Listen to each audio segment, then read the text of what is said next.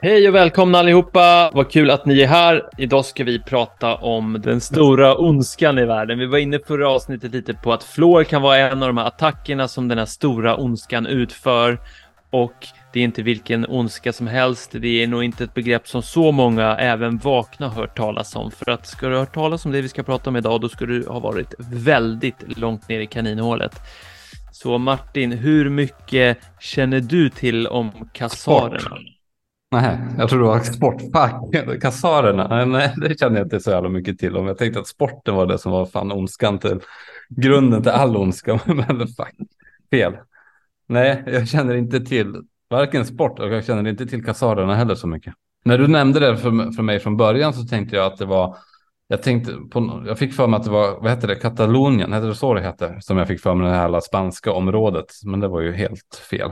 För hur jag kom i kontakt med kassarerna var väl i, i min sökande ner i kaninhålet innan man hade barn och när man hade en massa tid och liksom ja, söka svar på frågor. För att jag kände ju att jag hade kommit in på linjen att ja, det måste finnas en ond konspiration som är strukturerad på något sätt som styr eller liksom influerar världen i, på ett väldigt kraftigt sätt. Var härstammar det här ifrån? Hur långt bak kan jag hitta svar på det här? Och ja, jättelångt bak kan du hitta eh, Anunnaki, alltså då om, om man har läst de gamla sumeriska lertavlorna, Enuma Elish och eh, Anna Kings list så hittar du liksom bak till två bröder av de här Anunnaki som då betyder egentligen de från himmelen eller något liknande på sumeriska. Och det var ju då Enki och Enlil. Enki, eh, de fick uppdrag att etablera från sin pappa Anu. Vi ska inte prata om det här. Nej, och, det, lite, Men och lite grann det som jag nämnde också förra avsnittet, för det där tror jag är också en väldigt stor planterad teori som har blivit konspirationsteori just nu också. För, för, som jag nämnde förra avsnittet, att jag tror att den där är skapt lite grann för oss för att vi ska nu kanske jag tar död på resten av det vet jag inte. Men att, vi att den är skapt för att vi ska blicka bortom. Vi ska blicka ut i rymden bortom från jorden och blicka liksom att räddningen eller våra skapare finns långt, långt, långt där borta. Men nu har de liksom försvunnit och nu är vi kvar på jorden och det är därför vi känner ett sug efter rymden och dit bort. Jag, jag tror inte det, utan det där tror jag bara är skapt för att förvirra och det är väldigt många som vaknar upp nu som går på den förvirringen. Och jag, jag, jag köper inte riktigt den utan jag, jag tror att det är en, en teori som inte håller i längden. Och jag, jag, kan köpa det och för mig handlar det mer om att jag var inte nöjd med att sanningen slutade där för att det här var ju då väldigt många tusen vi snackar ju när människan då 270 000 år typ 300 000 år sedan någonstans mm. i den liksom eh, ja, storleksordning eller så långt bak någonstans skulle då de ha funnits och att då den är en lill onda brorsan hur som helst, det var så långt bak i tiden. Det är liksom, okej, okay, nu är vi här idag. Eh, för mig, jag var inte så tillfredsställd, även om jag kanske kan tro på det, eh, men det har inte av relevans för avsnittet, utan jag kände väl mer, det här är för långt bak, vad har hänt sedan dess? Vem, vem sitter, vem har tagit över den här makten eller fått ärva den makten eller ja, så vidare. Och då började jag liksom i nutid gå bakåt istället och titta på de nyligen moderna historiska händelser där ondskan har gjort sig sedd på ett tydligt sätt och inte lyckats dölja alla spår, gjort det jävligt fult, 9-11, vi snackar alltså Irakkrigen och så vidare, Isis och, och annat. Och gräver man där så kommer man rätt fort till ett land med en blåvit flagga. Mm. eh, och eh, också USA eh, som många gånger framställs som en puppet state till det här blåvita landet. Inte Finland då och inte Göteborg heller. Nej, och det är så farligt att prata om det här landet för att man får fort en stämpel. Vi måste hålla isär för det första en religion och ett land. Det är två helt skilda saker, mm. Mm. även om de kan liksom överlappa varann. Och det här landet då var det första spåret för mig. Och sen så började jag ta det bak i tiden. Okej, okay, hur bildades det här landet? Ja, eh, okej, okay. 1948 okej. Okay. Ja, då är det så det pass nytt? Det visste inte jag. Jag trodde att det land, alltså förlåt mig, men jag, det trodde inte jag att det var så pass nybildat, alltså att det registrerades så snart. Nej, det var det 48 och det var ju egentligen eh, innan det så var det ju palestinier och annat som levde där tillsammans och marken ägdes av Storbritannien. Alltså det var en koloni till Storbritannien om jag inte minns fel. Eh, så den fick då Israel eller jag vet inte om de köpte. De har väl mycket mm. pengar, I guess. mm. Sen vill jag också säga, nu kommer jag in på massa sidospår också, men Storbritannien är väl kanske inte det land som är byggt på mest kärlek i världen. Det är nog ingenting i deras historia som är ren och skär kärlek, alltså utan att vara den. Men sen kanske det är som alla, jag fick höra från någon att alla gränser i världen på en karta har framstått eller framställts efter krig. Så att eh, det kanske är mänsklig, män, människan i sig liksom. Men i varje fall, jag fortsatte söka mig bak i tiden och kände mig väl inte helt nöjd med andra världskrigets, den, den historia vi har fått höra i barndomen. Eh, varför gjorde jag inte det? Jo, för att jag, jag har ett väldigt stort intresse i andra världskriget. Och när du börjar läsa på om andra världskriget, så här, visst det vi fick lära oss i skolan, men det är sån jävla bajs i rymden och den är på ett sätt faktiskt väldigt vinklad. Och jag är inte här idag, eller vi är inte här idag för att liksom framställa någon i bättre, bättre kostym eller så, utan vi vill bara egentligen gräva till sanningen. Och sanningen är att Tyskland var ett jävla bajskissland efter Versaillesfreden. Efter första världskriget så ingick ju Tyskland Versaillesfreden med, med liksom massa länder för att Eh, man kom överens om att Tyskland blev av, de blev av med massa av sitt land och man fick inte ha en militär som var större än ett visst antal militärer och så vidare. Så Tyskland var ju väldigt, ska man säga, nere och gick in i en stor depression. Eh, väldigt, väldigt fattigt blev det efter andra världskriget, för man var skyldig, eller första, första världskriget, man var skyldig omvärlden en jävla massa pengar, man fick liksom böja sig på knä och ta den i munnen väldigt många gånger för Ja, det kan man ju tycka är förståeligt. Men man rustade i varje fall upp sig. Det kom en herre till makten, han gillade mustasch. Eh, han lyckades ta landet från den här liksom totalt fallerat land till att bli Europas mest framgångsrika land på sex år. Det gick superbra för Tyskland. Man, eh, Hitler utsågs till liksom the year, man of the year 1938 av tidningen Time. Han var Europas mest populära ledare i, alltså, även i Sverige var han skitpopulär. Alltså det är så här folk inte har förstått riktigt. Man tror att han var ju megapoppis i hela världen. Eller inte hela världen, men alltså en väldigt stor del av världen var han väldigt populär.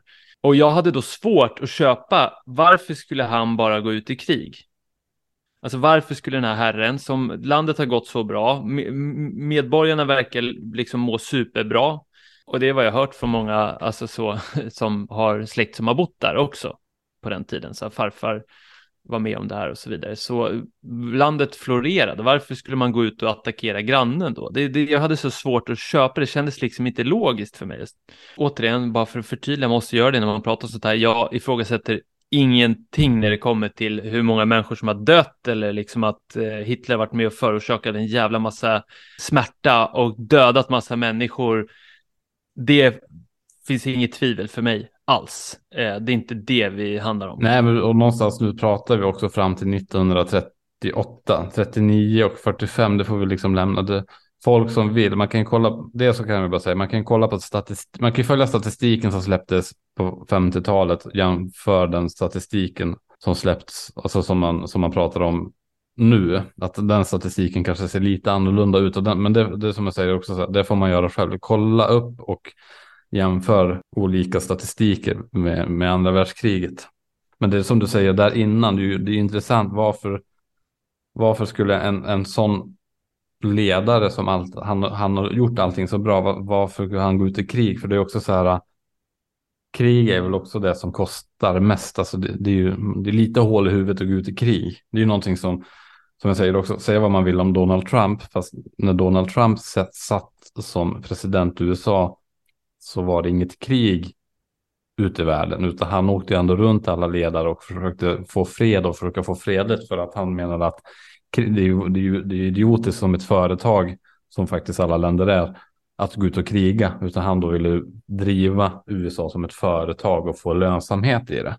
Och då är ju krig väldigt dåligt att hålla på med och då kan man tänka sig att Hitler måste någonstans också tänkt lite i de banorna.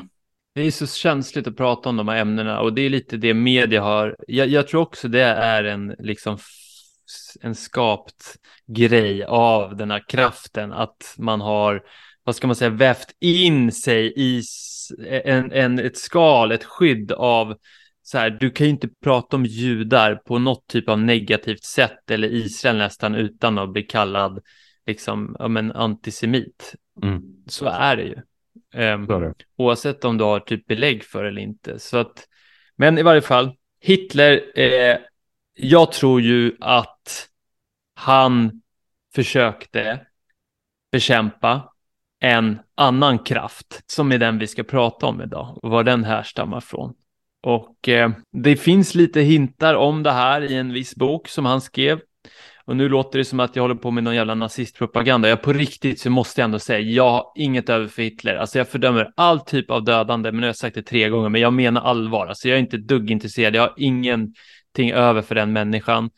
Jag kan men... bara säga så här, det som är intressant om man kan läsa, så, även för att man tycker illa om saker så kan man ju faktiskt läsa, fördjupa sig i ämnet för att lära sig någonting annat. Och det är ju det och kanske de, den, den boken som han, som, eller den boken som han skrev som man kanske ska läsa och fördjupa sig in och kolla liksom att, om vi säger så här då, det är väl bra att lära känna sin fiende som Hitler då är i hela omvärlden för att mm. lära sig historien därifrån han kom. Ja men verkligen, och det är det, jag tror att han jag menar på att han skulle motarbeta den här kraften och sen gjorde han det på helt fel sätt. För jag tror att man ska bemöta saker med kärlek. Jag tror inte man ska döda någon.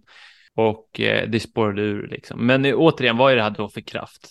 Då måste vi, det här tror jag också är anledningen till varför judar har blivit så förföljda och så liksom, det är ju, de har blivit utslängda från hur många länder som helst i historien. Eh, jättemassa, jag tror det är, så här, det är 70-90 länder eller någonting. Är, jag kan ha helt fel i den siffran, men det är många länder de har blivit utslängda från. Och jag tror inte att det har att göra med att gemene jude såklart är liksom, alltså jag tror att det, svaret varför de har blivit utslängda, det har att göra med det här landet Kassar som var en makt mellan 300 till 900 efter Kristus det var ett jättestort rike ett tag. Jag, har aldrig, jag hade aldrig hört talas om Kassar innan jag fick den här ledtråden. Och det var liksom ett gigantiskt rike i 600 år. Vart då? Har du någonsin... Nej. Eh, I dagens, deras center var väl i dagens Irak skulle jag säga. Så sträckte det sig åt olika håll. Just det. Så låt oss gå in på konspirationsteorin om det här riket. Och det fanns en hel del att läsa på om det här när man googlade.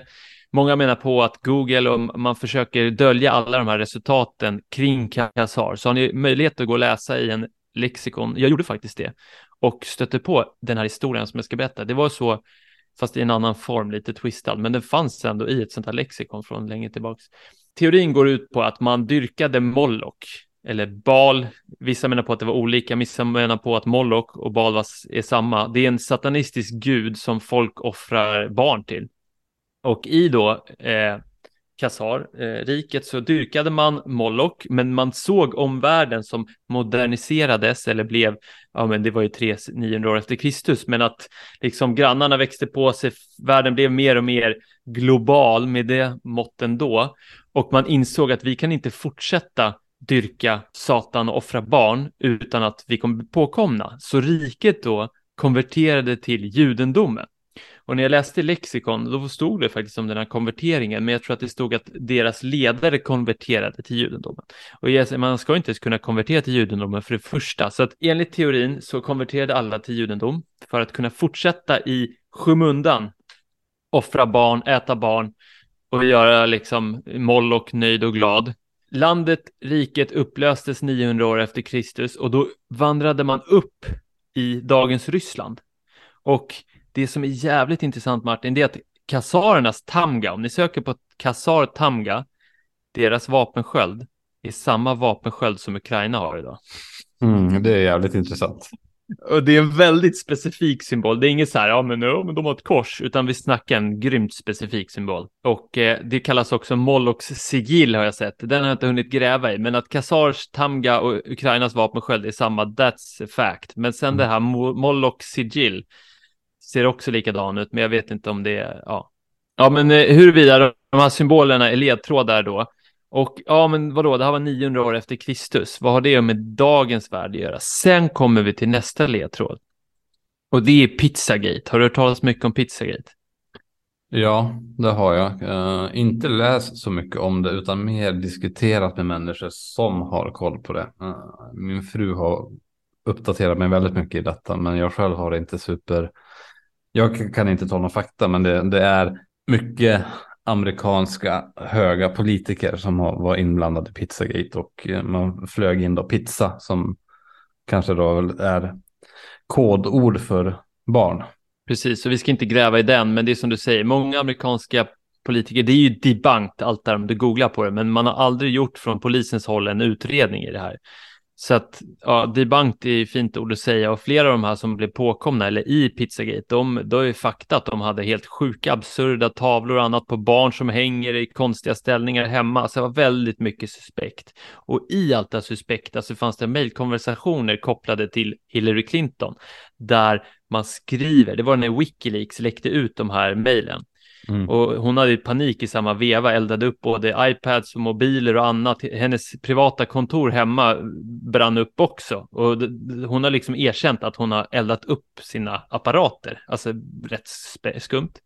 Men i de här mejlen som Wikileaks lyckades läckas, där nämns Moloch. Uh, att Moloch, att jag ska offra en kyckling för Moloch i min garden och annat. Och det var där hela den här, liksom, det var det som initierade vågen av Kassar-teorin. Och i den här vevan så, jag har hört ett vittnesmål från den här New York-polis, jag har hört det här ljudklippet, det är bland det sjukaste jag har hört.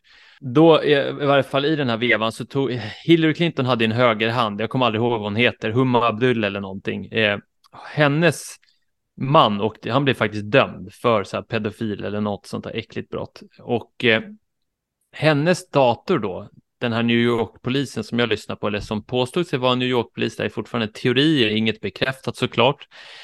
Han berättade att de hade hittat i hennes dator en video på när Hillary Clinton och hennes högra hand hade bundit fast en liten flicka vid ett träd och käkat upp henne steg för steg. Jag var helt så här, när jag hörde det här klippet så lät det så jävla genuint och äkta så jag höll på att skita ner mig. Jag bara, vad är det här? Det är sjukaste jag hört. Den här människan påstod också att tio av de tolv poliser som har tagit del av det här var idag döda. Och jag har folk hört av sig till mig personligen och sagt att de har sett den här videon på Darknet innan den togs ner. Så jag vet inte. Det är en teori, det finns inget bekräftat, en jävligt sjuk teori, men det, det väckte också det snacket om den här videon, oavsett om det är sant eller inte, var det som väckte väldigt mycket liksom vad ska man säga, in, väckte många konspirationsteoretiker till att gräva mer i Moloch, eliten, Pizzagate och så vidare. Och det är det här jag menar, det här är så jävla fucked up. Och det är så många människor som inte har så stor koll på det egentligen. Utan det, det, alltså man, och, det, och, det, och det är därför jag tror att, att de här konspirationsteorierna som, som, som trendar att jorden är platt att vi kommer från yttre rymden, att du vet alla de här. Jag tror ju att de teorierna är planterad av då den här makten för att vi ska vända blicken mot någonting annat. För det här har ju någonstans också, det Pizzagate-grejen, den kom väl, vad kom den? Den kom väl någonstans för tre, fyra år sedan kanske, som den började liksom väckas till liv. Och det är väl någonstans efter det också som man globalt har börjat kolla på konspirationsteorier överallt. För, det var, för, för nio år sedan var det inte konspirationsteorier på samma sätt som det är idag. Utan det känns som att det kom exakt samtidigt som Pizzagate-grejen kom. Och då tror jag att de bara kände att nu släpper vi lös lite alla möjliga teorier och blandar ut detta så att inte så många hittar den och att man sitter och kollar på massa olika saker och inte får det fokuset som det egentligen skulle behöva. Jag tror du är helt inne på rätt spår och den här tajmingen var ju också så här, det som var en sjukt stor snackis precis innan pandemin gick igång, det var ju Epstein-skandalen och visst, mm. det är långt ifrån att äta barn, men det fanns flera av de här tjejerna som var med i Filthy Rich-dokumentären på Netflix. De har jag sett, hört på YouTube intervjuas där de berättar att Epstein och Maxwell har erkänt att de jobbar för Mossad till de här när de var väldigt nära. Um, och Mossad är ju återigen, det är Israels eh, motsvarighet till CIA, så att det går ju trådar och det var oavsett om det här vi pratar om nu bara är en sjuk teori, vi får hoppas att det är så, så är det fortfarande, det finns rök här på många håll. Filthy Rich, alltså det är riktigt sjuka grejer i Filthy Rich och man gräver vidare i det. Det finns på Netflix, så att så, men just tajmingen som du säger, det här dog ju, alltså, eller dog, det vart ju en stor grej, men det är så sjukt att när hela världen börjar prata om det här, oj Bill Clinton, oj Bill Gates, oj den ena och den andra, fan sen står Bill Gates där veckan efter och pratar om vaccin liksom. det är så fucked up liksom, det är så jävligt fucked up och det är så här, det händer inte. Det blir, det blir för snurrigt.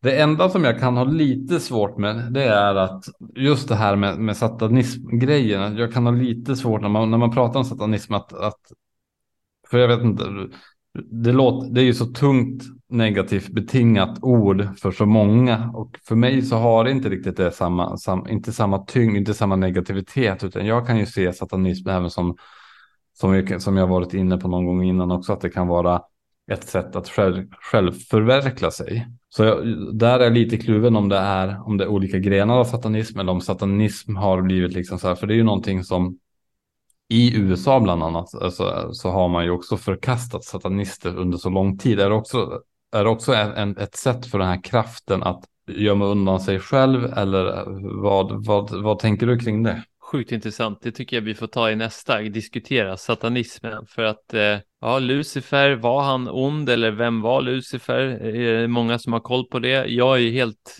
jag, jag är helt inne på att det finns många förklädnader från den här kraften och Ja, men vi tar satanismen vid ett annat tillfälle, för det är en eh, väldigt intressant diskussion. Och tack allihopa för att ni varit här och lyssnat idag. Skitkul att eh, få göra det här med dig Martin. Och så hoppas vi att ni kommer tillbaks nästa gång.